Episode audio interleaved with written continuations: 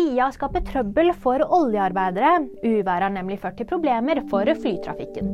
Equinor får dermed ikke alle offshorearbeiderne hjem til jul. Dette gjelder dem som skal fly til Flesland. Da blir det en offshore-julaften med kolleger for de som må bli igjen. Støre med klar beskjed til Israel. Til NRK sier statsminister Jonas Gahr Støre at han ikke kan akseptere hvordan Israels krigføring rammer helsevesenet og det humanitære systemet på Gazastripen.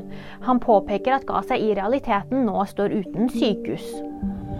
Manchester United-krisen fortsetter. Med 2-0-tap mot Westham har laget nå spilt fire strake kamper uten mål. Dette er første gang på 31 år. Samtidig gjør dagens tap at United nå har tapt halvparten av kampene sine denne sesongen. Og nyheter finner du alltid på VG.